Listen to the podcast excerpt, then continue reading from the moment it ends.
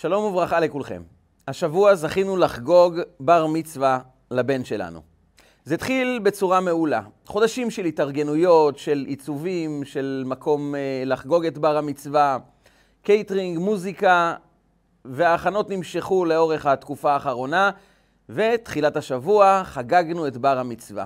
התאספו משפחה וחברים, הוגשה מנה ראשונה, מוזיקה נעימה, הרגשה מאוד טובה. טובה, טובה, טובה.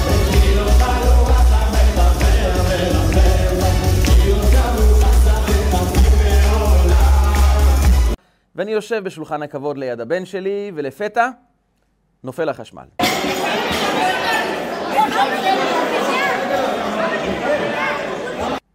חשבנו שזה יתארגן תוך כמה דקות להרים את החשמל, אבל מגיע אליי אחד האחראים על המקום, ועם פנים קצת לבנות, הוא אומר לי, בכל האזור נפל החשמל, יש בעיה רצינית. אני בודק כמה זמן זה ייקח לתקן. הוא חוזר אחרי כמה דקות ומראה לי הודעה מחברת החשמל, צפי לתיקון בעוד שלוש שעות. כלומר, באזור השעה 12 בלילה יחזור החשמל. אנחנו נמצאים יחד מול אולם חשוך לחלוטין, אין מוזיקה, ויותר גרוע, אין אוויר. המזגנים הפסיקו לפעול, אנשים חיפשו אוויר ולאט לאט זרמו החוצה, ואנחנו צריכים פתאום להכיר בעובדה שמה שתכננו כבר לא יהיה. שכנראה כל הציפיות והחלומות, החגיגות שציפינו אליהם, שכל כך קיווינו אליהם בתקופה האחרונה, כנראה לא יתממשו כעת, ואנחנו מול אולם חשוך. צריכים להתחיל להפנים שהחלום יתנפץ. ברגעים הראשונים זה מאוד מאוד קשה. למה זה קורה לנו? למה חוסר המזל הזה?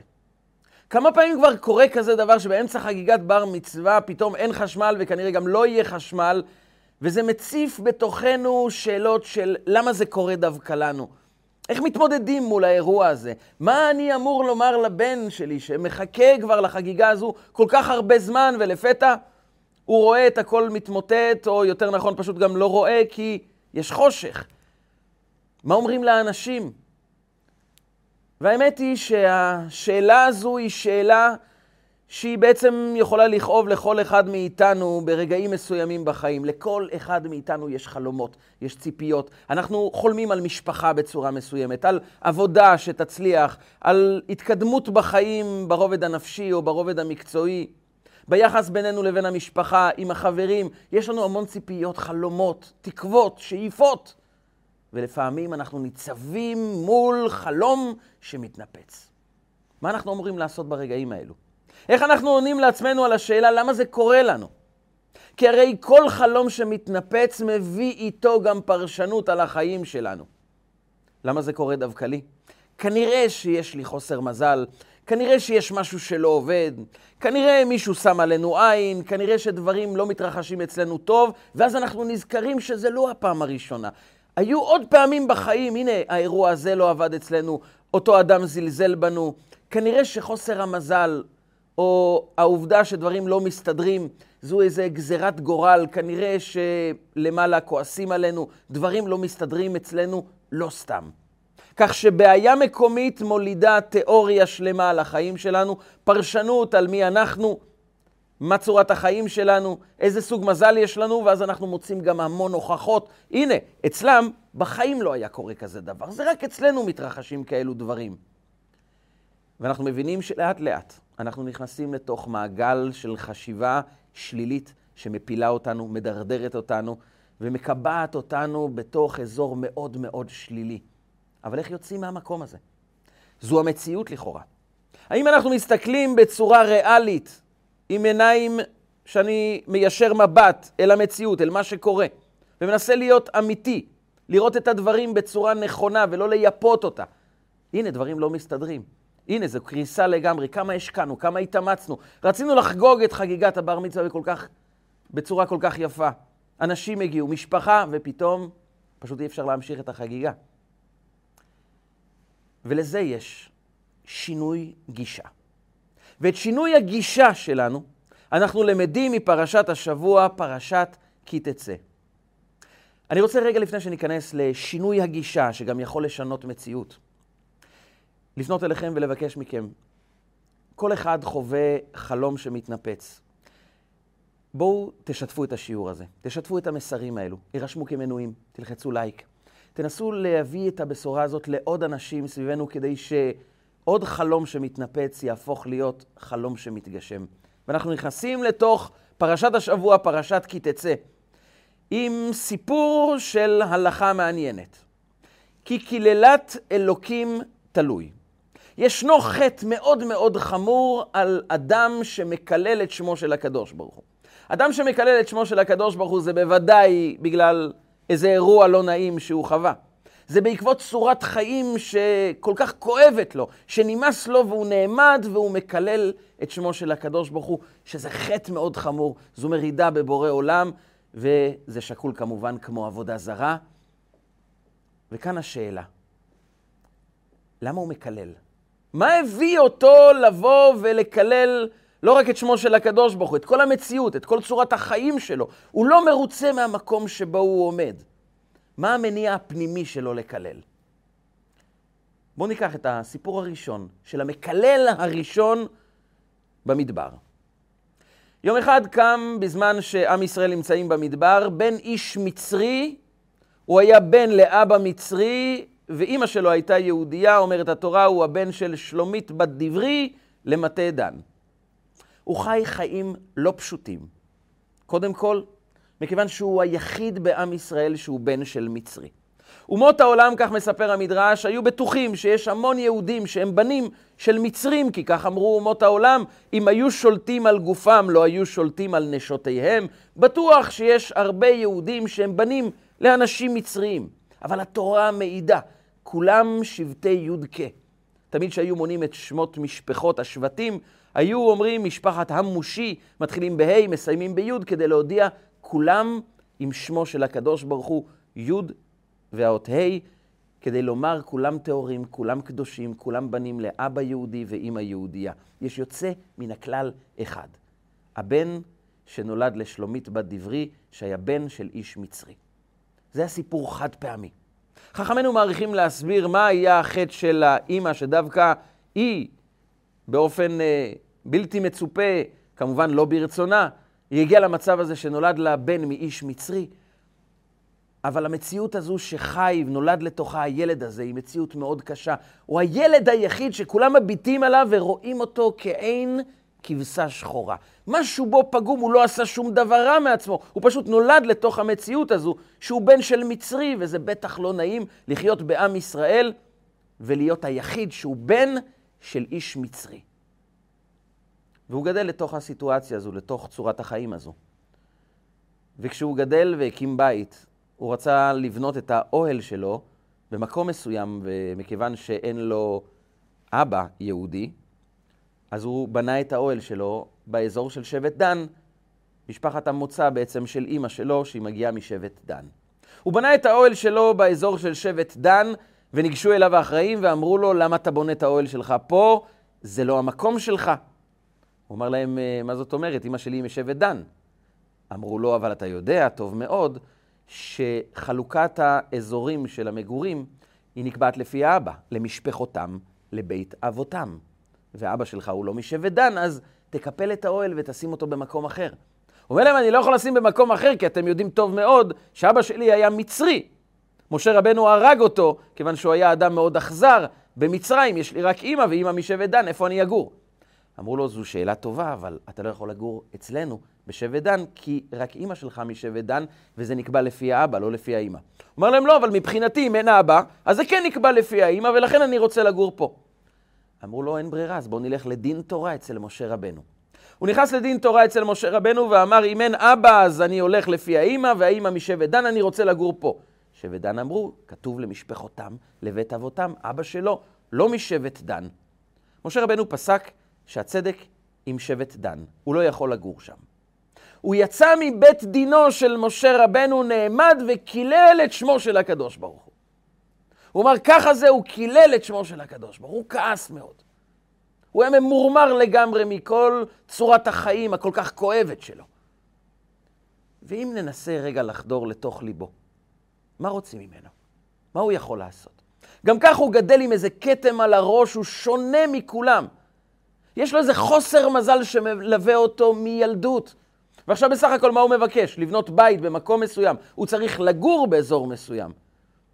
והוא יוצא בבית הדין חייב. הוא לא יכול לבנות את האוהל שלו בשב... אצל שבט דן. מה רוצים ממנו אבל? מה הוא היה אמור לעשות?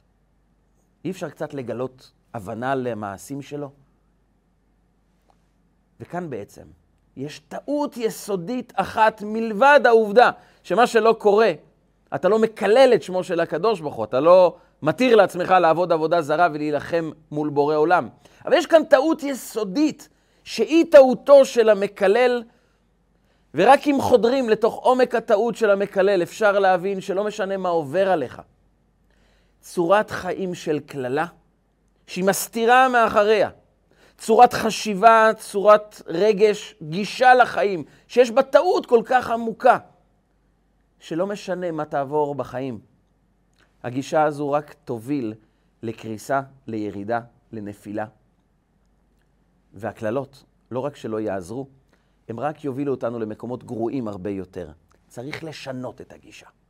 וכאשר משנים את הגישה אפשר למצוא פתרונות, אפשר למצוא אור אמיתי, אפשר לראות איך כל החיים משתנים לטובה ברגע שאני משנה משהו פנימי.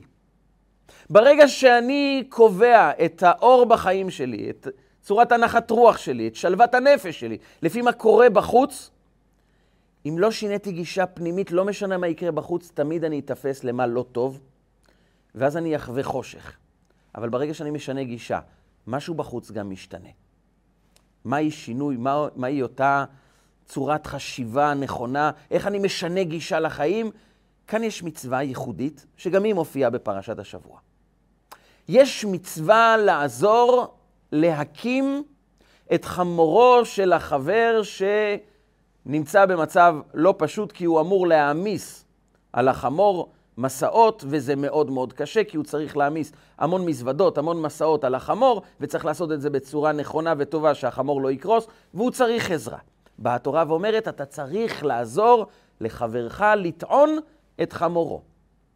לטעון זו מצווה מאוד גדולה, זו עזרה, זה מצוות אהבת ישראל, זה מאוד חשוב. אבל יש מצווה אפילו יותר חשובה.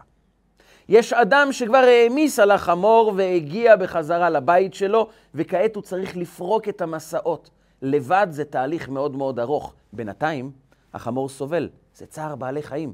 אז תעזור לחברך לפרוק את המסעות מעל החמור. וכאן נשאלת השאלה, אם יש לי שני חברים, חבר אחד מבקש ממני עזרה להעמיס על החמור את המסעות. חבר שני מבקש ממני עזרה לפרוק את המסעות מעל החמור, להוריד את המסעות כי החמור סובל. למי אני הולך ראשון? לעזור לפרוק וכך לסייע לצער בעלי חיים, כדי שהחמור יסבול פחות, או לעזור לחבר שכבר ממהר לצאת לדרך והוא רוצה להעמיס על החמור את כל המסעות.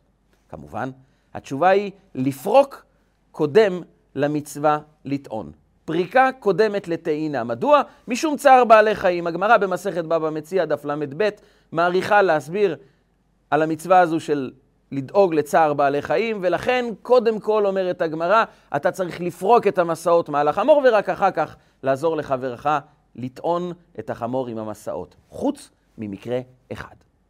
יוצא אדם מביתו, ורואה בזווית העין את ידידו שצריך עזרה לפרוק את החמור, והוא כמובן יודע שלפרוק זו מצווה קודמת לטעינה, וזה גם חבר שלי שאני מאוד אוהב אותו, ולכן הוא רוצה לרוץ לעזור לו, אבל בזווית אחרת של העין הוא קולט שיש אדם שהוא שונא שלו. רבים כבר תקופה ארוכה. יש לו כעס מאוד מאוד גדול על אותו אדם, והוא צריך עזרה לטעון את החמור. למי אני הולך ראשון? התגובה המיידית שלנו אולי תהיה, כמובן לעזור לאוהב שלך, זה גם אוהב שלך וגם תמיד לפרוק, זה קודם ללטעון. צריך להוריד מעל הבהמה את המסעות, אז זה גם חבר שלך וגם בהלכה תמיד לפרוק, זה קודם ללטעון, אז זה תמיד יותר טוב. כאן באה התורה ואומרת לו.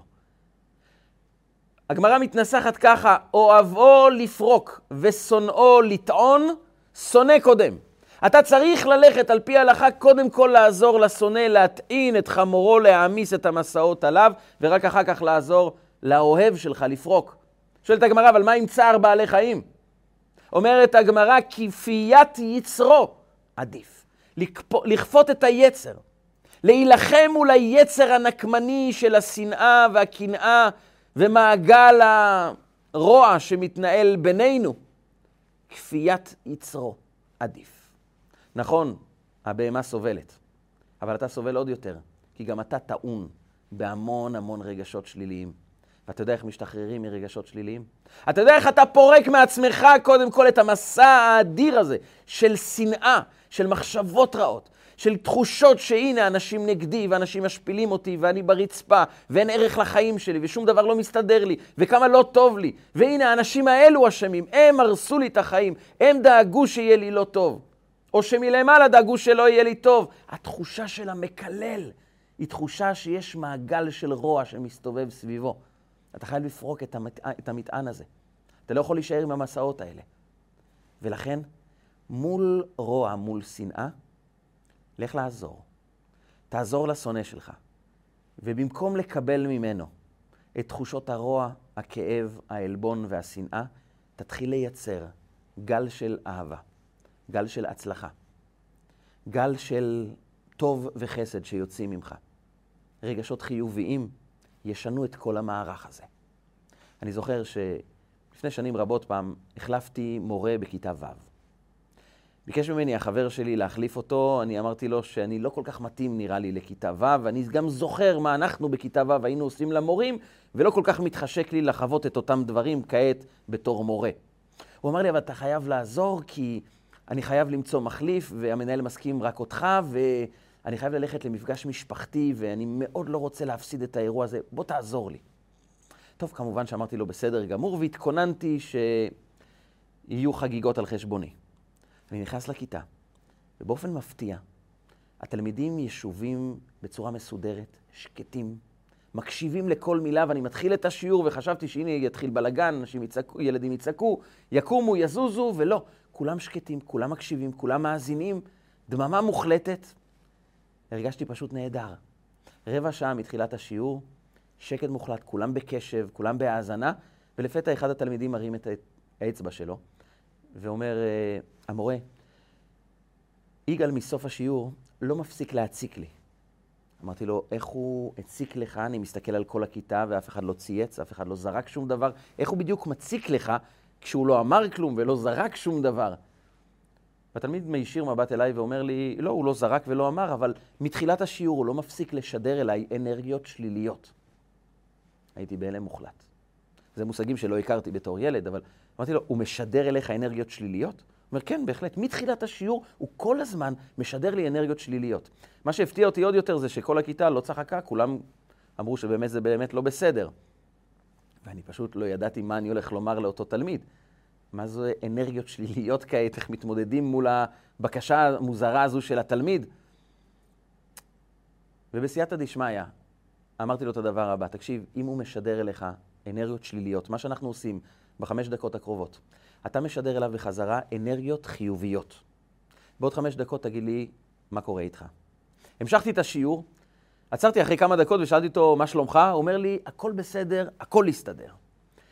זה אירוע שמאוד הצחיק אותי מצד אחד, מצד שני, הוא נתן לי הבנה לדבר מאוד אמיתי בחיים שלנו. אומרת הגמרא במסכת בבא מציע, דף ל"ב, אוהבו לפרוק ושונאו לטעון. נכון שמבחינה הלכתית פשוטה, טכנית, אולי צריך לעזור לאוהב גם כי הוא האוהב וגם כי לפרוק את החמור זה תמיד קודם. אבל יש משהו הרבה יותר חשוב שאתה אמור לפרוק מתוכך. זה את מעגל המחשבות השליליות, את האנרגיה השלילית, את המסע הכבד של השנאה, של הקנאה, של הרוע, של המחשבות שהנה לא אוהבים אותי וכמה זה לא בסדר, תפרוק את זה. איך? תיתן אנרגיות חיוביות. לך לאותו שונא ותאמר לו, אני רוצה לעזור לך להעמיס. כאן משהו ישתנה, יש מעגל שמשתנה. כי יצר הרע, הוא תמיד מסתכל על כל סיטואציה בצורה כזו שאיפה אני יכול למצוא את הרע שבסיפור. איפה הרסו אותי, איפה השפילו אותי, איפה גרמו לי שדברים לא טובים יסבירו לי שמשהו לא טוב בי, משהו פגום בי. ובעצם אצל צורת ההתנהלות של יצר הרע, אצלו כל אירוע לא טוב הופך בפרשנות שלו להיות משהו בי לא טוב. משהו אצלי רע. אנשים לא מעריכים אותי, לי אין מזל. כנראה שמזלזלים בי בגלל שההורים התנהגו אליי לא טוב, בגלל שהשכנים מזלזלים בי, בגלל שכשהייתי קטן המורה בכיתה ד' כל כך זלזל בי. יש לנו המון המון הסברים, וכל התיאוריה הזו בנויה רק על אירוע לא נעים, שהפך בפרשנות שלנו לצורת חיים רעה, לא טובה. במקום זה, לך תתמקד באור האמיתי שנמצא כאן בחיים. איזה חסד אתה יכול לעשות כעת מול אותו שונא? איזה גל טוב אתה יכול לייצר? כי ברגע שאתה תלך לשונא, זה לא בגלל שאתה רוצה לתת מתנות לאנשים לא בסדר. יכול להיות שבאמת הוא לא בסדר. אתה לא בא להעניק מתנות לאנשים שמתנהגים גרוע, אלא אתה בא לייצר מתוכך טוב וחסד שמקיפים אותך מסביב והופכים אותך לאוויר גן עדן. כי ברגע שהאדם מגיב על רוע ברוע, הוא יוצר פגיעות אישית. יכול להיות שאנחנו נאמר לעצמנו, הוא דיבר אליי בצורה כזו, אני לא אהיה פראייר, אני אהיה גיבור גדול, אני אחזיר לו מנה אחת אפיים. ואז החזרת מנה אחת אפיים. יצאת גיבור בקרב, הפסדת במלחמה. כי המלחמה האמיתית היא על מי אתה, מי אנחנו, איזה נפש יש בנו. וגם אם אנחנו באמת צודקים, כי לא יפה לדבר אלינו בצורה כזו, ואותנו לא ישפילו, ואלינו יתייחסו בצורה טובה, אבל אם התנהגת באותה מטבע שבה אנשים לא טובים התנהגו, במי פגעת באמת? יכול להיות שהם נפגעו, אבל הנפגע העיקרי תמיד יהיה אנחנו, כי אם אנחנו מתנהגים במעגל של רוע, במעגל של קנאה, במעגל של נקמה, של מחשבות רעות, של רגשות, של כעס ועלבון, אנחנו בסופו של דבר בונים בתוכנו נפש שתמיד תתמקד באיפה פגעו בנו, במה לא מסתדר, במה לא טוב. בואו נשנה את המעגל הזה. לכן אומרת לנו הגמרא, לך לאותו שונא ותאמר לו, אני רוצה לעזור לך לטעון. כי ממני יוצא טוב. כי אליי לא נכנסות מחשבות רעות, רגשות רעים לא באים אליי לתוך הנפש, להפך, אני מייצא מתוכי רק טוב. יש כלל בהלכה מאוד מעניין. בהלכות מליחה אנחנו יודעים שכדי להכשיר בשר לאכילה, אנחנו חייבים למלוח כל חתיכת בשר משני הצדדים כדי שהדם יצא. מה קורה אם אני מולח חתיכה על גבי חתיכה? האם זה מותר? חלק מחכמי התלמוד אומרים, לא, זה בעייתי, כי החתיכה מלמעלה. כאשר אני ממלא אותה במלח, היא תפלוט דם, היא תוציא את הדם, וזה בסדר גמור. רק שהדם ירד לחתיכה שלמטה. וזה בעייתי, כי אנחנו רוצים להוציא את הדם מתוך החתיכות, ולא שירד דם מחתיכה אחת לחתיכת בשר אחרת. אבל הגמרא מכריעה שאין בזה בעיה, מסיבה אחת פשוטה. החתיכה שלמטה, גם היא מלוכה, גם היא מלאה במלח, והיא פולטת דם. ואיידי דתריד למפלט לא בא לה. מכיוון שהוא טרוד בלהוציא, הוא לא פנוי לבלוע. הסיבה שרגשות שליליים נכנס, נכנסים לתוך החיים שלנו, הסיבה שאנחנו פגיעים כל כך ממה אנשים אומרים עלינו, ממה אנשים עשו לנו, ואנחנו מזמינים לתוכנו מחשבות לא טובות, זה בגלל שפשוט לא היינו עסוקים בלייצר המון המון טוב מתוכנו. כי יש כלל, כשאתה טרוד, כשאתה עסוק, כשאתה שקוע בלהוציא מתוכך המון המון טוב, פשוט אין לאיפה להיכנס לרגשות הרעים, למחשבות השליליות. אין להם איפה להיכנס. וכאשר אדם עסוק בלעזור לאותו שונא, שוב, לא בגלל שאני בא לתת מתנות לאנשים לא טובים, אלא כי ממני יוצא רק חסד. אז האדם בונה אישיות גדולה יותר. אולי זה נראה לו שבמקום הספציפי הזה הוא קצת הפסיד, כי הוא עזר לאדם שפגע בו. אבל על המלחמה על הנפש, הפכתי להיות אדם שאליי לא נכנסות מחשבות רעות. אני לא אדם שגר בבית עם דלת פתוחה, שכל גנב וכל גזלן יכול להיכנס, כל מחשבה רעה, כל רגש רע. הם לא נכנסים לפה. אני סגור למחשבות רעות, מהסיבה שאני עסוק כל הזמן בלהוציא טוב. ואיידי דתריד למפלט. לא בא לה. כשאני טרוד ועסוק בלהוציא מתוכי טוב, לרגשות הרעים אין מקום להיכנס מסיבה אחת פשוטה, אני לא עסוק בהם, אין לי זמן אליהם, אני פשוט לא רואה אותם, אני רואה רק את הטוב שיוצא כעת. אותו אדם שנעמד וקילל את שמו של הקדוש ברוך הוא, זה נובע מהעובדה שהוא תמיד קילל קודם כל את עצמו, הוא קילל את היום שהוא נולד, הוא קילל את צורת החיים שלו. הוא כעס על כל העולם, הוא כעס על אמא שלו, הוא כעס על אבא שלו. הוא כעס על השכנים, הוא כעס על החייו, הוא כעס על הקדוש ברוך הוא, הוא כעס על כל העולם. אבל בזה שתכעס על כל העולם, אתה אולי מפסיד הזדמנות פז בחיים שלך. שאת ההזדמנות הזו ידעו לנצל אנשים שסחבו את ארונו של יוסף ביציאת מצרים. הם אנשים שהתנדבו למשימה לשאת את ארונו הקדוש של יוסף הצדיק. כמובן שהם הבינו שזה הופך אותם באופן אוטומטי לטמאים לנפש אדם, טמאי מת, שזו הטומאה הגבוהה ביותר. נכון שהם סוחבים ארון של צדיק, אבל הם כעת נהיים טמאים. מה שאומר שהם לא יוכלו להקריב קורבנות, אבל הם ידעו שקורבן מיוחד לא עתיד להגיע בזמן הקרוב, ובטח לא קורבן פסח שהוא קורבן כל כך חשוב, כיוון שהקדוש ברוך הוא כבר הבטיח, עוד במצרים, את הקורבן הבא. כעת אתם מקריבים במצרים קורבן פסח, שמים את הדם על הפתחים כדי שבמכת בכורות אתם תהיו מוגנים. את הפסח הבא אתם תחגגו בארץ ישראל. ולפתע, בשנה הראשונה שהם יצאו ממצרים, הקדוש ברוך הוא במפתיע מודיע, השנה יהיה עוד קורבן פסח. עם ישראל בהתרגשות עצומה.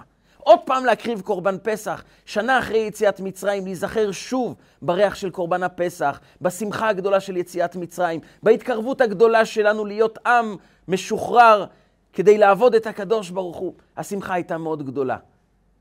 וזה נפל כרעם ביום בהיר על אותם אנשים שסחבו את ארונו של יוסף. הם עשו חשבון מהיר כמה זמן ייקח כדי להיטהר, והם הבינו שהחלום שלהם התנפץ. הם לא יספיקו להיטהר בחג הפסח הקרוב. מה שאומר שכשכולם יחגגו סביב קורבן הפסח ויאכלו למשפחותם, לבית אבותם, כולם יתאספו משפחות משפחות כדי לאכול את קורבן הפסח ולחגוג את ליל הסדר. הם יישארו בחוץ. הם לא יוכלו להקריב את קורבן פסח. וזה כאב להם מאוד, והם ניגשו למשה רבנו ואמרו לו, מה, אנחנו לא נוכל להקריב את קורבן פסח? אולי יש איזה פתרון הלכתי להקריב את קורבן הפסח למרות שאנחנו טמאים? ומשה רבנו מודיע להם שההלכה היא שהם לא יכולים להקריב את קורבן פסח, אין מה לעשות. והם יכלו גם לצאת ולהתנהג באותה צורה של המקלל. לומר, מה זה? אנחנו לא בחרנו, אנחנו התנדבנו לעשות טוב, לסחוב את ארונו של יוסף. היינו מוכנים להיות טמאים כי ידענו שעל פי הכללים לא יהיה קורבן פסח בקרוב, ופתאום מודיעים שיש קורבן פסח ללא שום התחשבות בנו. למה לא הודיעו את זה בזמן, שיכולנו להיטהר? היינו יכולים גם לחגוג את קורבן פסח. למה המערכת לא מתחשבת בנו, שאנחנו התגייסנו לטובת המערכת? הם יכלו לקלל. הם לא קיללו. הם הבינו שהלכתית אין להם פתרון, אבל הם ידעו שתמיד אתה יכול לגשת למשה רבנו ולבקש, למה ניגרע? לבלתי אקריב את קורבן השם. יש לנו תשוקה להקריב את קורבן השם, אנחנו מאוד רוצים. ולכן אנחנו ניגשים אליך לשאול מה כן הקדוש ברוך הוא רוצה מאיתנו. אנחנו מאוד משתוקקים לטוב, אנחנו לא מתלוננים, אנחנו לא מקללים, אנחנו לא מסבירים כמה רוע וכמה כאב ולמה, ולמה שום דבר לא מסתדר כאן בחיים. אנחנו רק רוצים לבטא את התשוקה שלנו להתקרב לקדוש ברוך הוא, להקריב את קורבן הפסח. ואז הם קיבלו מצווה חדשה, שעד היום הפך להיות אחד מהימים הטובים בעם ישראל, פסח שני, בי"ד באייר. זה יום חג שבו לא אומרים תחנון, כי כל מי שלא הספיק להקריב קורבן פסח בחג הפסח בחודש ניסן, יכול להקריב פסח בפסח שני בי"ד באייר. קיבלנו מצווה חדשה, חג חדש, בזכות אנשים שלא באו לקלל, אלא באו למצוא פתרון. באו בעצם לראות איך אני יכול לחזק את הקשר שלי עם הקדוש ברוך הוא, עם התורה, עם הקדושה, איזה אור אני כן יכול למצוא בתוכי. וכשאדם ממוקד כל הזמן בעשיית חסד, ביצירת טוב, הוא לא שואל את עצמו למה האנשים כל הזמן פוגעים בי, למה אנשים מזלזלים, למה אין לי מעמד, למה ההורים, למה השכנים, למה מציאות החיים הזו, למה המקום שבו נולדתי. הוא לא עסוק בשאלות האלה, הוא עסוק בשאלה, אם אני כאן, יש בי אור, איך אני יכול להוציא את האור הזה? אוהב לפרוק ושונא לטעון, שונא קודם. למה כפיית יצרו עדיף? זה עדיפות עבורך לבנות את האישיות שלך, לייצר טוב, לייצר חסד, להתמקד בטוב, ותמיד יש טוב שאתה יכול להתמקד. כל הסיבה שהיא לא גלויה, שהטוב הזה לא גלוי, שהמציאות החיובית בעצם נסתרת מעינינו. זה בגלל שהייתה לנו נפילת חשמל, אנחנו לא רואים את הטוב, כי אנחנו עסוקים כל הזמן במה לא מסתדר, בהשוואות בינינו לבין אחרים, בחלומות שרק זה מה שאני רוצה, ואם זה לא מה שאני מקבל, אז כמו ילדים קטנים אנחנו צועקים ואומרים, למה? לא רצינו את הדבר הזה, אנחנו רוצים משהו אחר. אני רוצה רק איך שאני חשבתי. ודברים לא מסתדרים רק לפי איך אנחנו חושבים. דברים מסתדרים כמו שרצה בורא עולם. כמו התכנון האלוקי, והבשורה הטובה היא שהתכנון האלוקי זה התכנון הטוב ביותר עבורך. זה מה שמדויק בשבילך. רק במקום לבכות על החלום שהתנפץ, תהיה פתוח לחלום החדש שהולך להתגשם כעת. כי בכל דבר שמתרחש איתנו, יש חלום אחר, אבל טוב ומדויק יותר עבורנו. מצאתי את עצמי, אם אני אחזור, לחגיגת הבר מצווה. עשרים דקות שכבר אין חשמל, קשה לנשום, חם מאוד, אין מוזיקה, ואנשים יוצאים בחוץ להתאוורר, וחברי חתן הבר מצווה התאספו סביבו והתחילו לנגן את ניגון המאמר. אנחנו נוהגים בחגיגת הבר מצווה לחזור מאמר חסידות, שמדבר על חשיבות מצוות תפילין ולימוד התורה. ואין רמקול, אז התאספו סביבו, ולאור פנסים קטנים של טלפונים, הוא התחיל להגיד מאמר חסידות. כולם התאספו, וזה היה רגע מאוד מיוחד, אמיתי. רגע לפני שהוא התחיל את המאמר, אמרתי לו, בני היקר, תראה, דברים לא מסתדרים כמו שחשבנו. אבל אתה יודע, זו הזדמנות מהקדוש ברוך הוא להתבונן ולחשוב מהי חגיגת בר מצווה.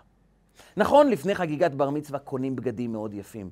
מסדרים מוזיקה שתהיה לנו מאוד נעימה, מעצבים אולם, מזמינים אוכל מאוד טעים, מנסים לראות שהכל יהיה מאוד מאוד טוב. אבל זה בר מצווה. האם בר מצווה זה הבר מתוקים בכניסה? זו המצווה? האם זה הבגדים? האם זו המוזיקה? האם זה רק העיצוב? אז כשנופל חשמל ולא רואים את הדברים המתוקים ולא רואים את הבגדים היפים ולא יכולים לשמוע מוזיקה וגם אין מזגן שעובד, אם זה בר מצווה, הכל הלך. אבל בר מצווה זה משהו אמיתי יותר. בר מצווה זה הרגע שבו אתה מקבל אחריות על עם ישראל. זה הרגע שבו הקדוש ברוך הוא אומר לך, אני צריך אותך בשביל להוריד שכינה לעולם, בשביל להביא קדושה. אתה הופך להיות בן מצווה, בר מצווה. אתה הולך להיות חייל בצבא של העם היהודי, להביא טוב, חסד, קדושה, טהרה, לקרב את ביאת משיח, כדי להביא לגילוי של טוב אלוקי נצחי בזמן הגאולה. אתה היום נכנס לתפקיד הזה, ואתה יודע, הקדוש ברוך הוא קיבע את החשמל. כי אולי היינו קצת יותר מדי שקועים במוזיקה ובעיצובים ובאוכל שמוגש. ועכשיו זה הזמן שלנו, כשאף אחד לא רואה אותנו, לזכור. שום הפסקת חשמל לא תיקח ממך את האחריות שקיבלת, את הזכות הגדולה שעם ישראל קיבל, כי אתה נכנס להיות היום בן מצוות. אז שאף אחד לא שומע כי אין רמקולים, ואף אחד לא רואה כי אין אור. יש אחד שרואה אותך עכשיו ומחכה לבשורה הגדולה שלך. זה בורא עולם ואתה, שנפגשים היום יחד. והוא התחיל את המאמר. המאמר הוא היה צריך לצעוק, ובקושי אנשים שמעו, רק מי שהיה קרוב. באמצע מאמר החסידות, פתאום האור חזר, הכל נדלק בחזרה. קריאה של וואו מכולם, הוא סיים את המאמר, ופרץ השמחה שפרץ מליבותם של האנשים שהיו שם, רק המחיש שכאשר אנחנו מוצאים בתוכנו נקודת אור, ששום חושך חיצוני לא יקבע עבורנו מהו אור, ששום נפילת חשמל לא יכולה להעלים על האור הפנימי שקיים בתוכנו. כשאני מגלה, כשאני מגלה בתוכי את האור הפנימי, את העוצמה הפנימית, השמחה שתהיה, היא שמחה הרבה יותר עמוקה, הרבה יותר אמיתית, הרבה יותר סוחפת. כי בעצם גיליתי ששום חושך חיצוני לא יכול להעלים את האור הפנימי שלי. וזה נותן פרץ של שמחה אמיתית, ובעיקר חיבור אמיתי לבר מצווה אמיתית. בכל סיטואציה של חושך, בוא נעצור ונשאל את עצמנו, מהו החלום שאני אמור להגשים עכשיו, בסיטואציה הזו? ככל שאני מרבה בעשיית חסד, ביצירת טוב, במיקוד של המחשבה של לאורך כל החיים, מה אני אמור לעשות כדי להרבות בטוב? אז אני פחות מקלל, וממילא פחות רואה את הלא טוב, ויותר מייצר לעצמי הזדמנויות, הצלחות, בשורות טובות, ובעיקר נפש יציבה וטובה, רגועה לחלוטין, שאומרת, גם זו לטובה. לא כי אני סתם מכריז הכרזות, כי זה מה שאני באמת רואה. כי כל חיי אני מתמקד רק במה שטוב. ואז, אולי הרגעים המשמעותיים ביותר של הבר מצווה יהיו הרגעים של החושך, שבו הנער התבונן בתוכו והבין, יש בי אור, שאותו אף אחד לא יכול להעלים. רגע של חיבור שהוא יציאה מהמסגרת החיצונית של התמונות, המוזיקה, החיצוניות ורגע של התרכזות פנימית. זו מתנה לכל החיים. וכל חושך יכול, והוא נושא בתוכו, אם רק נפתח את העיניים שלנו, הוא נושא בתוכו בשורה של אור אמיתי, של מתנה אמיתית לחיים שלנו. היה שליח של חב"ד באורוגוואי, שבחג החנוכה הדליק חנוכיה מרכזית ברחוב כדי להביא את פרסום הנס של חנוכה לעוד יהודים סביבו. חג החנוכה חל בדרך כלל בזמן שבו הנוצרים חוגגים את החגה שלהם עם עץ אשוח והמון המון נורות חשמל במגוון של צבעים, וכך יצא מראה מאוד מוזר שיש המון עצי אשוח עם המון נורות, והרחק משם, אבל באותו אזור, יש מנורת חנוכה שדולקת, וניגשה לשליח של חב"ד, לרב של חב"ד שם, אישה מבוגרת. ובעצב מאוד גדול היא אומרת לו, תמיד אנחנו היהודים מסכנים. תמיד אנחנו עלובים, תמיד אנחנו מושפלים. אומר לה, גברתי, למה? זה חג היום, זה שמחה, חג חנוכה. אומרת לו, תראה את עצי השוח של הנוצרים. עץ גדול. המון המון נורות חשמל במגוון של צבעים. עוצמה שלל של צבעים, של אורות, של מנורות. ואנחנו מה? חנוכיה, נר שלישי של חנוכה, שלוש נרות דולקות, דולקים. זה נראה לא טוב, זה נראה מאוד קטן, זה נראה כל כך בזוי, כל כך משפיל. להם יש המון אור ולנו יש קצת אור. להם זה מגוון של צבעים ולנו זה משהו כזה פשוט. למה זה ככה? הוא ניסה להסביר לה, תראי, זה החג שלנו, לא צריך להתמקד במה קורה בחוץ, זה החג שלנו ואנחנו שמחים, ולהיות שמחים עם האמת שלנו, אבל זה לא פעל בה שום דבר. אבל כנראה שהקדוש ברוך הוא החליט לענות תשובה לשאלה הזו, והוא הפיל את החשמל בכל האזור. הפסקת חשמל מוחלטת. אין אור בכל האזור. כל הנורות כבו. האור היחיד שנשאר זה הנרות של חנוכה. משהו תפס את האישה והיא ניגשה לרב ואמרה לו, אני קיבלתי תשובה, אתה מבין? כל האורות עם שלל הצבעים זה חיצוני. כשנופל חשמל אתה נשאר חשוך בתוכך. הנרות שלנו אולי הם קטנים, אבל הם אמיתיים, הם פנימיים, הם נצחיים. שום כיבוי חשמל בכל האזור לא יכול לכבות אותם, כי זה נר פנימי, וזה האור המיוחד שלנו, העם היהודי. שאנחנו מדליקים אור פנימי, שבכל סיטואציה אנחנו אומרים לעצמנו, לא הבחוץ ישפיע עלינו, אלא מתוכנו אנחנו נוציא את הקדושה שיש בתוכנו. כי בכל חושך מסתדר בשורה של אור גדול, פנימי ועמוק הרבה יותר. אם נסתכל עליו, נזכה להאיר את עצמנו, את הסביבה שלנו, ולחגוג שמחה, אושר ואור אמיתיים בגאולה האמיתית והשלמה, שתבוא אלינו עם אורו של משיח צדקנו במהרה בימינו, אמן ואמן.